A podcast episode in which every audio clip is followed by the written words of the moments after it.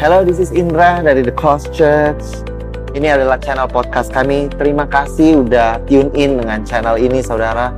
Kami berharap bahwa setiap message kami dapat membukakan lebih siapa Tuhan, saudara, dan Injil kasih karunia dan apa yang Yesus sudah lakukan di kayu salib kiranya membebaskan kehidupan saudara di dalam nama Yesus. Enjoy the message. God bless you.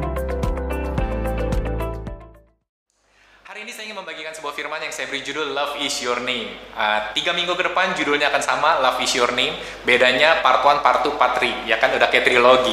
Trilogi seperti Lord of the Rings, saudara-saudara. Mereka kayaknya ikutin saya. Aduh, gawat. Saya ingin memulai dengan sebuah statement bahwa the old is the new concealed and the new is the old revealed. Maksudnya apa sih? Di dalam perjanjian lama itu banyak rahasia akan perjanjian baru. Demikianlah ketika kalau kita membaca perjanjian lama, kita tidak bisa melihat dengan kacamata perjanjian lama, saudara-saudara. Kita harus melihat dalam kacamata perjanjian baru. Baru kita bisa melihat ada sebuah kelengkapan, completeness di dalam pengertian akan firman tersebut.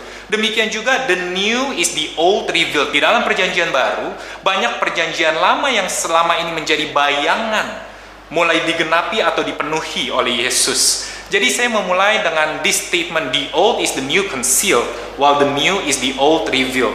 Paskah adalah sesuatu yang begitu dekat bagi setiap dari kita. Saya rasa setiap orang Kristen merayakan Paskah. Karena Paskah ini adalah salah satu tradisi, bahkan bukan salah satu tradisi, ini adalah tradisi tertua saudara-saudara yang pernah dikenal di dalam sejarah manusia.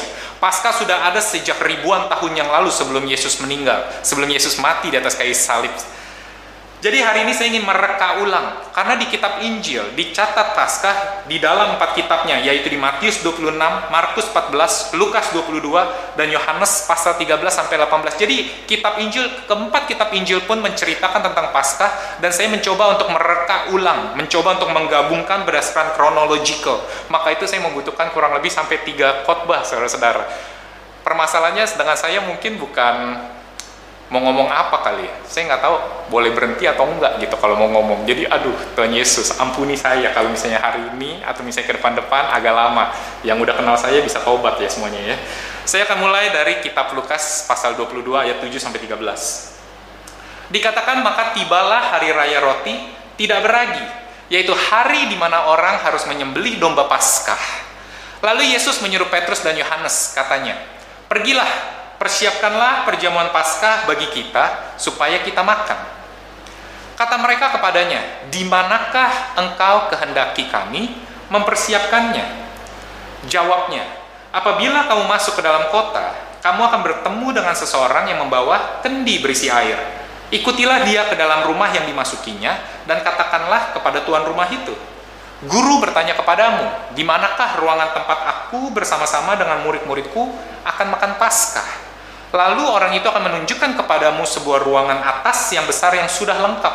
Di situlah kamu harus mempersiapkannya. Maka berangkatlah mereka dan mendapati mereka semua seperti yang dikatakan Yesus kepada mereka. Lalu mereka mempersiapkan Paskah. Cukup menarik saudara-saudara, karena Yesus berkata persiapkanlah Paskah. Bahwa Paskah ini yang seperti kita kenal, ini adalah seperti sebuah perjamuan malam terakhir, tapi Yesus berkata persiapkan. Kita mungkin sebagai orang gentle atau bukan Yahudi, kita tidak terlalu familiar dengan apa yang perlu dipersiapkan. Tapi izinkan saya untuk menunjukkan bagaimana persiapan yang mereka harus lakukan. Karena inilah tradisi Paskah yang dilakukan turun-temurun oleh orang Yahudi dari pertama kali mereka diperintahkan Tuhan untuk keluar dari bangsa Mesir oleh Musa yang dipimpin oleh Musa. Ini Anda bisa baca di kitab Keluaran pasal 12. Ini ada sebuah persiapan. Ini hanya tradisinya. Ini adalah persiapan yang harus ada saudara-saudara di luar dengan makanan yang mereka akan santap yaitu makan malam. Mereka ada sebuah perayaan yang besar. Jadi jika Anda perhatikan saudara-saudara, saya akan tunjukkan mulai dari tiga roti, tiga roti yang di sini, itu disebut maksah atau roti tidak beragi. Lalu ada sebuah buku yang terbuka, itu namanya Hagadah. Buku Hagadah ini adalah sebuah buku seperti kalau kita di gereja, mungkin Anda pernah melihat kidung jemaat atau buku himne sebuah panduan untuk bernyanyi. Kitab Hagadah atau buku Hagadah ini adalah buku panduan untuk bagaimana mereka melakukan tradisi Paskah ini secara benar dan tepat, saudara-saudara. Lalu ada cangkir berisi anggur, lalu ada sebuah piring Nanti yang akan saya jelaskan hari ini dan minggu depan, piring ini berisi akan makanan-makanan untuk melambangkan perjalanan mereka atau perayaan pasca mereka dan ada sebuah mangkok saudara yang Anda perhatikan berisi air. Tapi ini bukan air biasa. Ini adalah air asin, air garam yang akan saya jelaskan satu persatu. Jadi perayaan Paskah ini dimulai dengan sebuah nama Birkat Haner. Birkat Haner ini adalah ketika seorang istri atau seorang wanita menyalakan lilin di atas meja. Anda perlu mengerti bahwa pada zaman Yesus ini yang Yesus lakukan by the way, saudara-saudara. Ketika dia merayakan Paskah, inilah yang Tuhan Yesus katakan kepada Petrus dan Yohanes untuk mempersiapkan Paskah ini yang perlu dipersiapkan. Jadi untuk sebuah lilin itu dinyalakan, ingat zaman dahulu belum ada listrik, jadi bukan hanya mereka merayakan Paskah pas jam malam, jam 6 sore kurang lebih, pertanda bahwa hari sudah dimulai untuk orang Yahudi. Ingat bahwa orang Yahudi merayakan waktunya itu berbeda. Kita mulai jam 12 malam, lalu berakhir jam 12 malam. Mereka merayakan hari mereka mulai jam 6 sore sampai 6 sore. Jadi 6 sore permulaan hari mereka.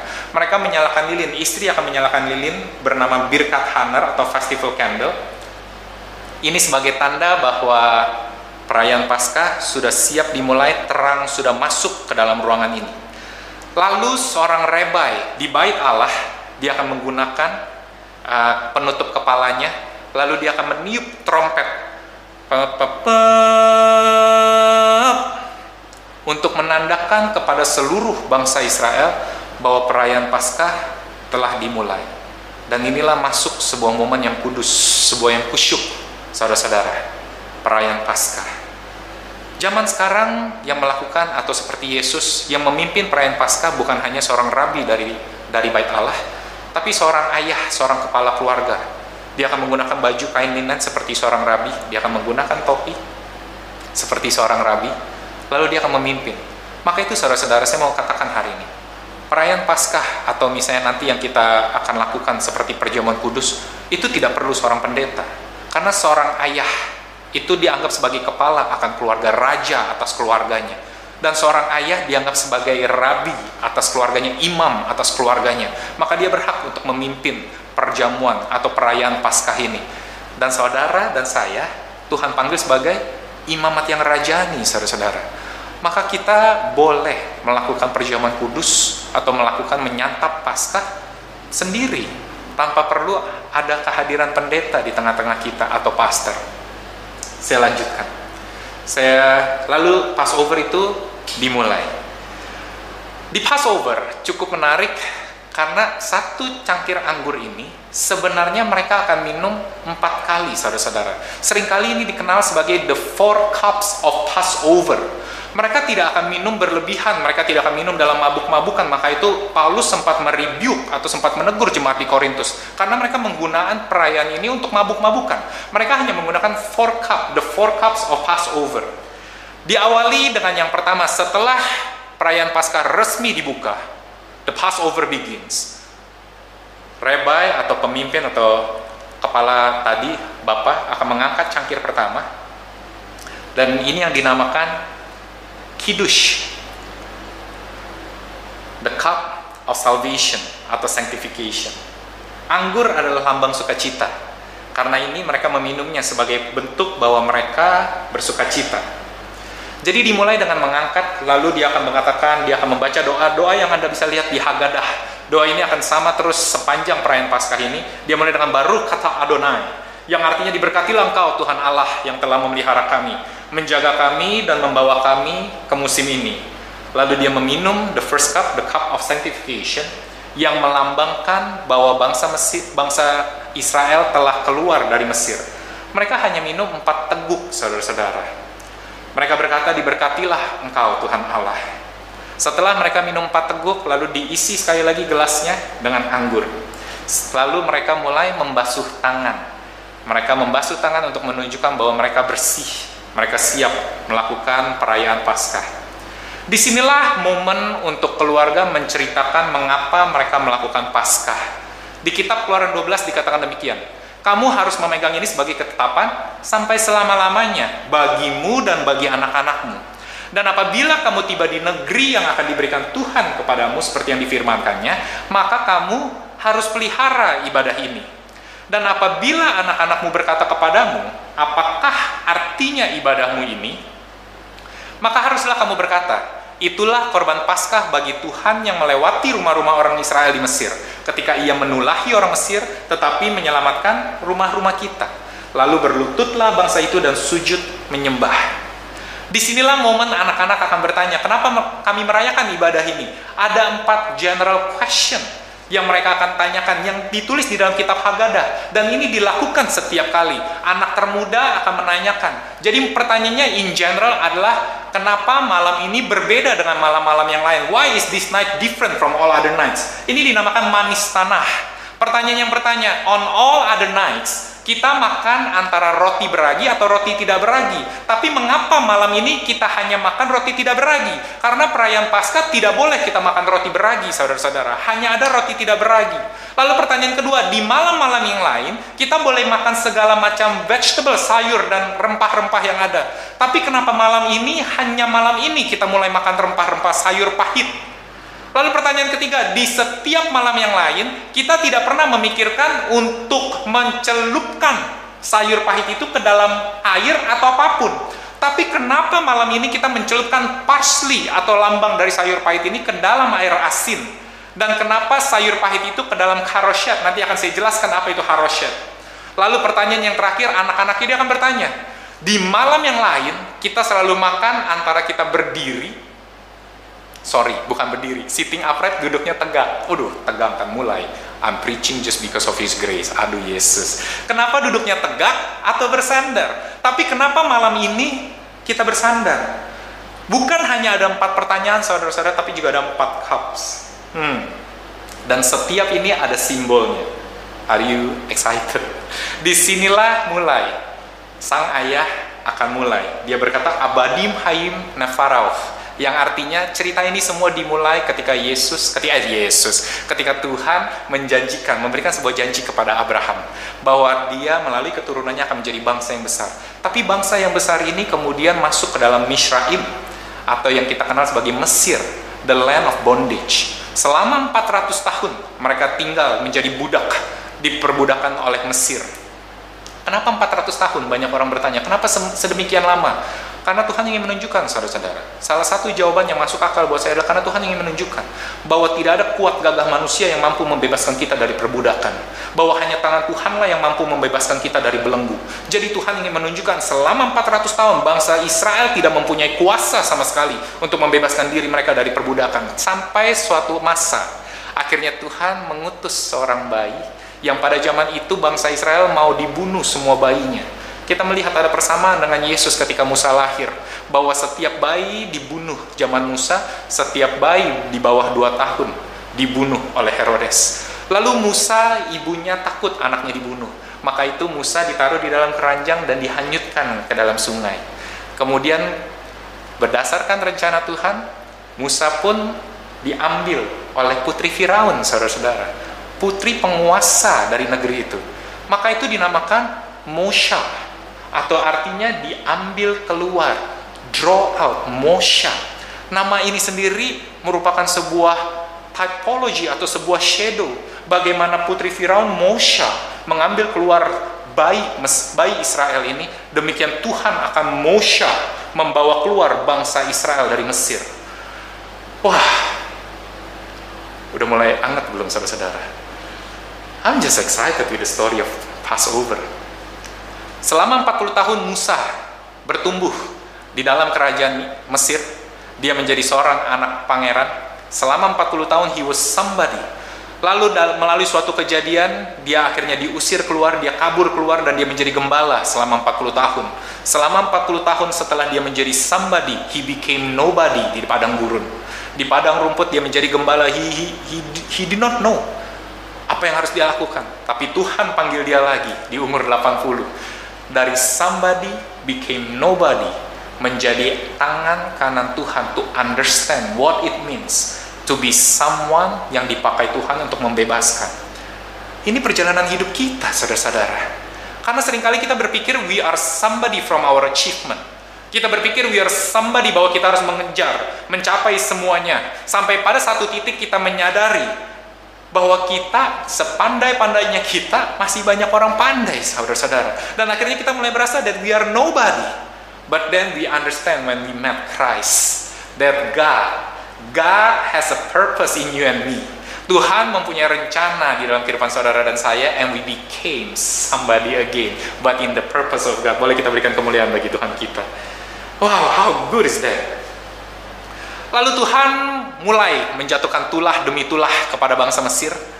Lalu mereka, bangsa Israel pun akhirnya keluar setelah tulah ke-10 dan Tuhan berkata di keluaran 12, hari ini, mulai hari ini engkau akan merayakan Paskah setiap tahunnya dan kau harus pelihara ketetapan ini sampai seumur hidupmu bahkan sampai keturunanmu. Cerita ini yang akan diceritakan berulang-ulang setiap perayaan Paskah bapak atau rebai atau yang memimpin akan menceritakan terus dan ini yang kita dengar setiap kali di perayaan Paskah saudara-saudara di gereja.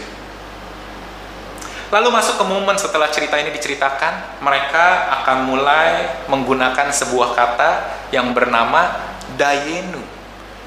Yang artinya it would have been enough. Itu saja sudah cukup. Coba katakan saudara-saudara satu, dua, tiga. Dayenu. Sekali lagi kita katakan bersama-sama. Satu, dua, tiga dayenu yang artinya it would have been enough. Jadi si Bapa akan berkata demikian. Jika saja engkau hanya membawa kami keluar dari Mesir dan tidak menghukum Mesir, itu sudah dayenu. Kita katakan sama-sama lagi ya. If only you just brought us of Egypt and not judge Egypt, is already dayenu.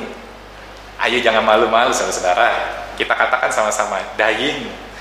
Jika saja engkau menghukum orang-orang Mesir, tapi bukan Allah mereka, itu sudah dayenu. Jika saja engkau membelah laut merah itu, tapi engkau tidak membawa kami berjalan di atas dataran kering tersebut ketika engkau membelah laut merah, itu sudah dayenu. Jika saja engkau membawa kami keluar dan melewati laut merah itu, tapi engkau tidak membawa kami masuk ke dalam tanah perjanjian, itu sudah dayenu, sudah cukup Tuhan. Kebaikanmu sudah cukup bahwa engkau mengeluarkan kami dari belenggu, dari dari masalah kami sudah cukup Tuhan. Tapi saudara dan saya tahu bahwa Tuhan kita bukanlah Tuhan yang berkecukupan. Our God is the God of abundance, saudara-saudara bahwa dia tidak bisa melihat anak-anaknya hanya cukup bahwa anak-anaknya harus hidup dalam berkelimpahan. Maka itu walaupun dayenu but it's not enough for our God sudah cukup dia memanggil bangsa Israel sebagai bangsa pilihannya. Sudah cukup kalau misalnya Tuhan membuat hukum Taurat sebagai jalan untuk mengampuni dosa kita. Tapi tidak saudara-saudara. Dia kirim Yesus. Dia berikan anaknya yang tunggal karena Tuhan tidak pernah cukup, saudara-saudara. Boleh kita beri kemuliaan bagi Tuhan kita. Hmm. Inilah gambaran Paskah. Bagaimana kita hidup dalam belenggu, bagaimana hidup dalam dalam struggle kita dan kita tidak tahu cara keluarnya. Paskah melambangkan kesedihan, penderitaan, sukacita, celebration, semuanya seperti kehidupan kita, saudara-saudara. Bahwa inilah Tuhan kita, dia mendengar setiap tangisan hati kita dan dia mengirim jawabannya. Dan jawaban kita ada di dalam domba Paskah yaitu Yesus Kristus. Jadi inilah yang disebut sebagai Pesak Seder atau yang disebut sebagai makanan yang akan mereka rayakan. Saya akan berjalan pelan-pelan kita mulai dari nomor satu. Nomor satu itu adalah parsley atau disebut karpas, yaitu sayur pahit. Jadi ketika mereka ingin memakan sayur pahit ini, mereka akan mengambil karpas ini, sayur pahit ini, Sayur pahit ini berwarna hijau dan dan ada di ketika musim spring, musim semi yang artinya lambang kehidupan. Ini adalah lambang kehidupan yang Tuhan berikan saudara-saudara. Dan dicelupkan ke dalam air asin. Masuk ke dalam air asin, air garam. Air garam ini adalah melambangkan setiap tangisan dari saudara dan saya, setiap tangisan bangsa Israel bahwa Tuhan menghitung mereka masukkan, mereka celupkan untuk menunjukkan, memberi simbol bahwa ada kehidupan yang keluar dari tangisan bangsa Israel, saudara-saudara. Karena Tuhan berkata di Mazmur 56 ayat 8, Sengsaraku engkaulah yang menghitung-hitung, air mataku kau taruh ke dalam kirbatmu, ke dalam botolmu, saudara-saudara. Bukankah semuanya telah kau daftarkan? Bukankah Tuhan menghitung? Lalu dikatakan di kitab Wahyu, dan ia akan menghapus segala air mata dari mata mereka, dan maut tidak akan ada lagi. Tidak akan ada lagi perkabungan atau ratap tangis atau duka cita. Sebab segala sesuatu yang lama itu telah berlalu, lalu mereka mengangkat parsli tersebut. Mereka berkata, terpujilah Tuhan, bahwa Tuhan telah menghapus air mata kita. Lalu mereka makan setelah mereka melakukan ini, mereka mencuci tangan sekali lagi, saudara-saudara. Yang tadi mereka sudah mencuci tangan, tapi yang kali ini mencuci tangannya berbeda. Karena ini mencuci tangan, mereka akan masuk ke dalam perayaan roti tidak beragi. Jadi ini sifatnya lebih kudus. Dan di dalam pencucian tangan ini, Yesus atau pemimpin atau rabai akan mengucapkan kata berkat mereka akan mengucapkan kata berkat. Yesus took it to another level. Di sinilah kalau Anda baca di kitab Yohanes pasal 13, bahwa Yesus kemudian membasuh kaki saudara-saudara dari murid-muridnya. Bahwa dia membawa makna yang berbeda, bahwa ini adalah paskah terakhir yang dia rayakan bersama dengan murid-muridnya. Maka itu dia mulai membawa makna akan paskah yang baru di perjanjian baru. Dia mulai membasuh kaki dan menjelaskan bahwa engkau harus kulayani agar engkau bisa masuk bersama-sama denganku, agar engkau bisa duduk bersama-sama denganku saya akan mulai menjelaskan inilah matsah atau roti tidak beragi. Roti tidak beragi ini jika Anda lihat ada bentuknya dua, ada yang bulat, ada yang kotak, sama saja seperti biskuit saudara-saudara. Dia bentuknya agak besar ya. Kalau biskuit kan mungkin kecil gitu sekali hop habis. Kalau ini agak besar. Nah, cara buat matsah ini cukup menarik saudara-saudara. Yang pertama, tidak beragi. Kalau tidak beragi, dia agak crunchy, crispy. Jadi, prek gitu ya bunyinya ya. Tidak beragi karena tidak beragi, jika kita baca di Korintus, tidak beragi itu menunjukkan kemurnian, bahwa tidak ada campuran, saudara-saudara. Inilah Yesus kita. Matsah adalah lambang Yesus kita, gambaran siapa Yesus kita. Karena untuk membuat matsah roti ini harus dipukul, uh, harus dibanting adonannya, beaten atau diremukan, harus ditusuk. Lihat ada bolong-bolongnya. Kalau anda lihat biskuit ada bolongnya, harus ditusuk, pierce atau ditikam lalu dibakar. Hmm. Sounds familiar? Saya akan tunjukkan sebuah ayat. Yesaya 53 ayat 3. Ia dihina dan dihindari orang. Seorang yang penuh kesengsaraan dan yang biasa menderita kesakitan, he was burned. Ia sangat dihina sehingga orang menutup mukanya terhadap dia dan bagi kita pun dia tidak masuk hitungan. Tetapi dia tertikam, he was pierced. Oleh karena pemberontakan kita, dia diremukan, he was beaten oleh karena kejahatan kita ganjaran yang mendatangkan keselamatan bagi kita ditimpakan kepadanya dan oleh bilur-bilurnya by his stripes kita menjadi sembuh. Bahwa matzah adalah gambaran dari Yesus.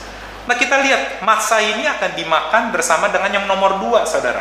Nomor dua itu ada dua horseradish dan sebuah rempah-rempah pahit atau sayur pahit. Ini yang disebut sebagai maror maor. Melambangkan apa sih sayur pahit ini, sayur pahit ini melambangkan the bitterness of life. Bahwa di dalam mereka perbudakan bangsa Mesir, Israel mengalami sebuah kepahitan yang menarik saudara-saudara. Cara makan maor ini adalah dengan memakai roti tidak beragi tersebut. Roti tidak beragi tersebut didip, dicelupkan ke dalam piring, dalam mangkok yang berisi maor, lalu diangkat dan diambil Menarik sekali bukan saudara-saudara? Bahwa setiap kepahitan hidup kita ditaruh di atas matsah atau roti. Bahwa setiap kepahitan, setiap hal yang tidak baik dalam kehidupan kita, kita taruh. Kita tidak bisa makannya kebalik, saudara-saudara. Bukan kita pakai maor atau seperti rendang gitu ya. Atau kalau kita makan roti canai kan seru ya pakai rendang ayam, rendang kambing, wih mulai lapar gak saudara-saudara? Atau pakai susu kental manis, bukan pakai susu kental manis terus kita angkat rotinya, kebalik, rotinya yang mengangkat maor tersebut. Maka itu di 1 Petrus 5 ayat 7 dikatakan, serahkanlah segala kekhawatiranmu kepada dia, sebab dia yang memelihara kamu, saudara-saudara. Bahwa Yesus serahkanlah segala kepahitanmu kepada Yesus. Lalu mereka akan mulai makan yang ketiga yang disebut sebagai haroset. Haroset itu uh, dibuat dari apel dan matsah ditumbuk ini ketika mereka bikin menggambarkan seperti seperti semen atau mortar untuk mengingatkan mereka bagaimana ketika mereka diperbudakan Mesir, mereka itu dipaksa untuk menjadi membangun bricks batu bata saudara-saudara untuk membangun yang seperti kita lihat sekarang piramid Sphinx itu salah satunya adalah budak-budak Israel yang membangun saudara-saudara. Jadi sekali lagi Yesus berkata, ambil matsah tersebut, angkat haroset tersebut. Wow, seakan-akan kita mulai mengerti ketika Tuhan bilang datanglah kepadaku yang berbeban berat. Karena haroset atau mortar menggambarkan beban berat saudara-saudara. Kerja keras striving and toiling. Yesus berkata ambil serahkanlah kepadaku. Wow how deep is the Pesach Seder Passover Pesach Seder artinya Seder adalah order bahwa ada urutannya dan mereka harus melakukan urutannya maka itu di Yohanes 8 ayat 36 dikatakan, ketika anak datang untuk membebaskan, maka kita benar-benar merdeka. Bahwa semuanya Yesus yang tanggung, saudara-saudara, matsah yang tanggung. Bukan itu. Dan ketika melakukan ini, Yesus memperkenalkan sebuah ayat di Yohanes 16 ayat 33. Semuanya itu kukatakan kepadamu, supaya kamu beroleh damai sejahtera dalam aku, di dalam Yesus, di dalam matsah supaya kamu beroleh shalom di dalam mas karena aku yang menanggung semuanya. Bukan kamu bukan karena perbuatanmu tapi akulah yang menanggung. Dalam dunia kamu menderita penganiayaan tapi kuatkanlah hatimu. Aku telah mengalahkan dunia. Haleluya saudara-saudara.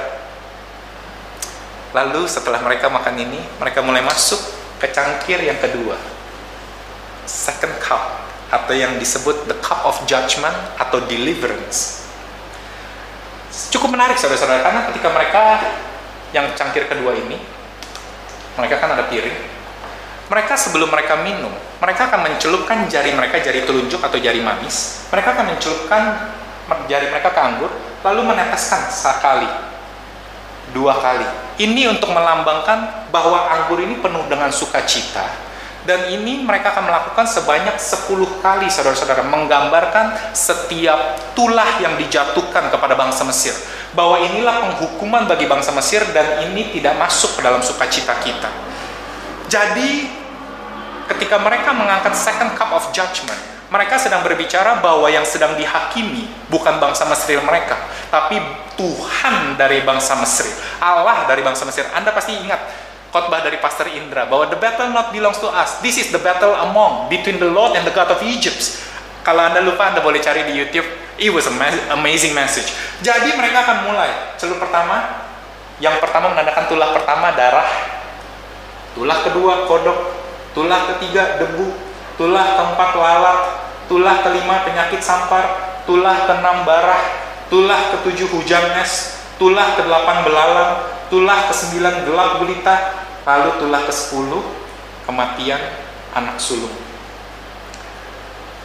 The cup of judgment juga berarti bukan saja Tuhan sedang menjatuhkan penghukuman kepada Tuhan Allah-Allahnya Mesir, tapi juga Tuhan sudah mengeluarkan Mesir dari kita. Maka itu dikeluarkan dari anggur ini agar kita tidak meminum lalu diangkat dan diucapkan kata berkat sekali lagi baru kata Adonai Diberkatilah engkau Tuhan Allah semesta, bahwa engkau Allah yang telah memelihara kami, menjaga kami sampai kami bisa merayakan ini.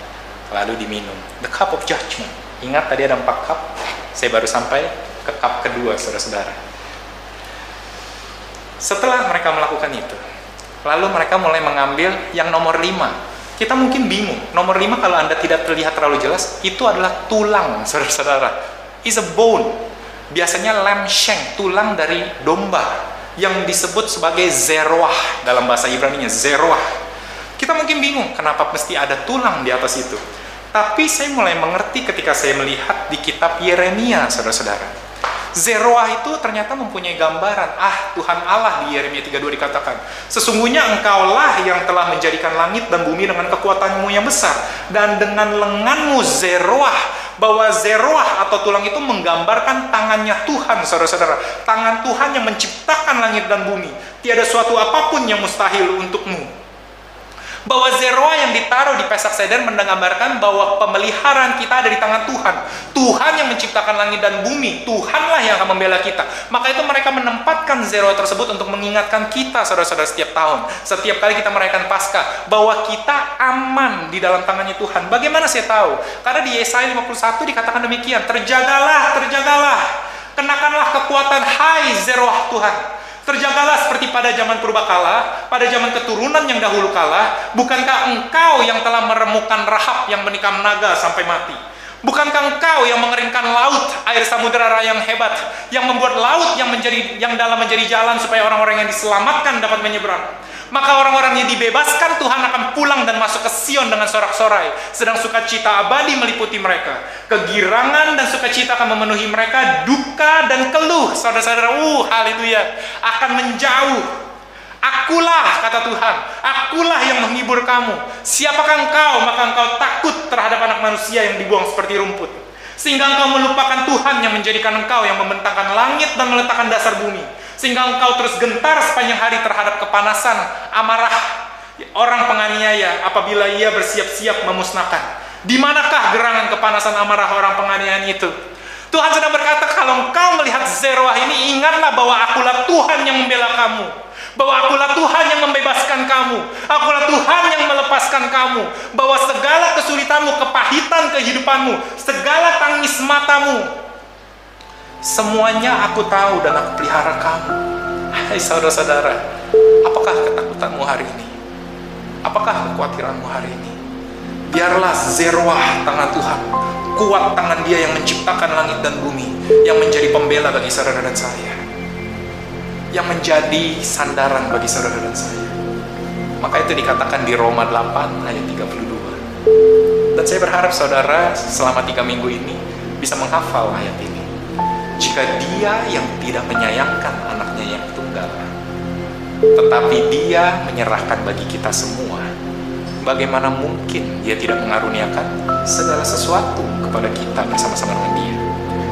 Kalau seorang anak yang begitu dia kasihi, dia relakan untuk kita, masakah mungkin dia tidak memberikan yang lainnya saudara-saudara? Masakah mungkin dia tidak memberikan masa depan bagi saudara? Masakah mungkin dia tidak memberikan kesehatan bagi saudara? Seakan-akan kita berkata, kesehatan lebih penting daripada Yesus, maka itu Bapak bilang, kamu boleh ambil Yesus, tapi kesehatan tidak boleh kamu ambil.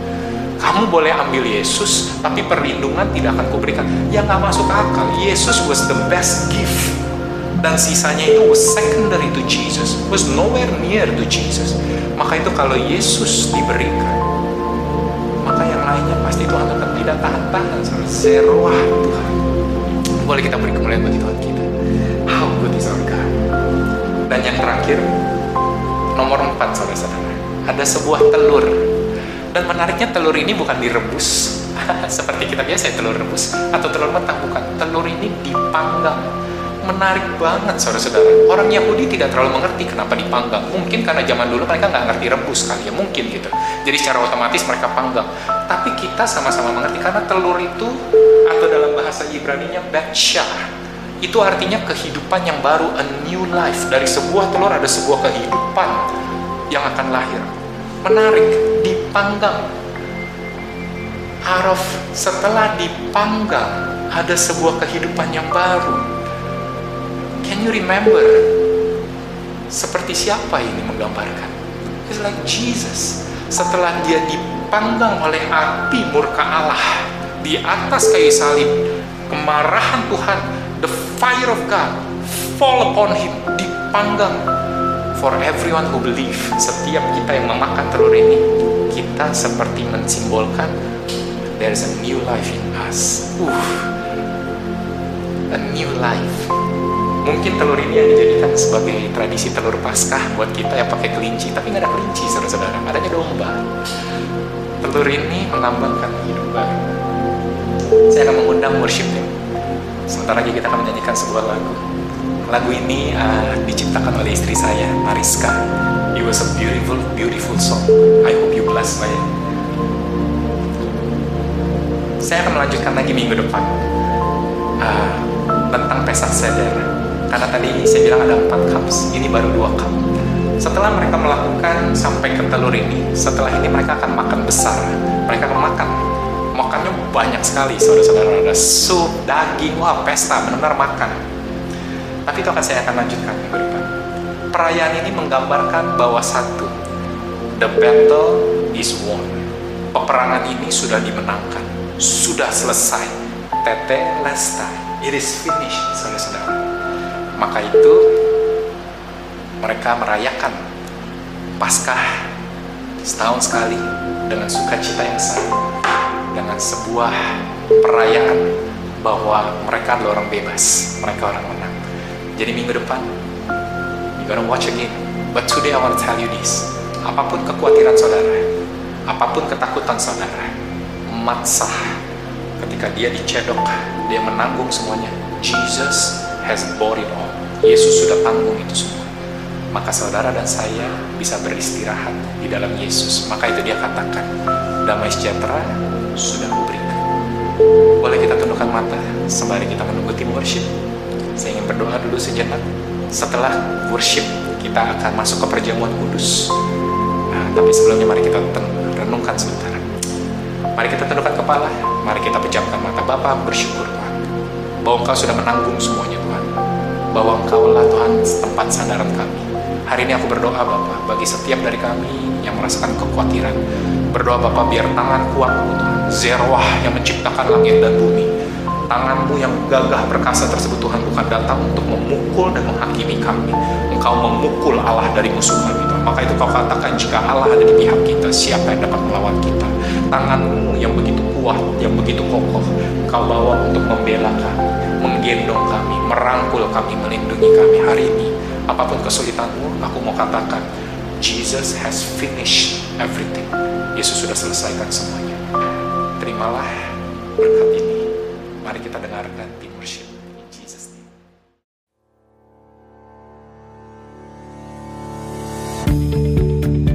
Terima kasih lagi sudah mendengarkan episode ini saudara dari podcast ini. Thank you so much saudara. Saya berharap bahwa Injil kasih karunia dan apa yang Yesus sudah lakukan bisa membebaskan kehidupanmu saudara. Kalau saudara diberkati, saya mengundang saudara untuk share saudara um, sermon ini baik secara pribadi kepada your friends and your family saudara atau you can screenshot dan kau bisa bagikan kepada sosial media saudara dan jadilah terang saudara. I hope um, message ini melalui saudara bisa memberkati lebih banyak orang lagi. Dan kalau saudara diberkati, saya mengundang saudara untuk subscribe kepada channel podcast ini. Again, I want to thank you. Berterima kasih kalau saudara mendengarkan dan mengizinkan dirimu diberkati dari apa yang kami lakukan. Terima kasih, Tuhan berkati. God bless you and bless you and bless you again. In Jesus' name. Amen.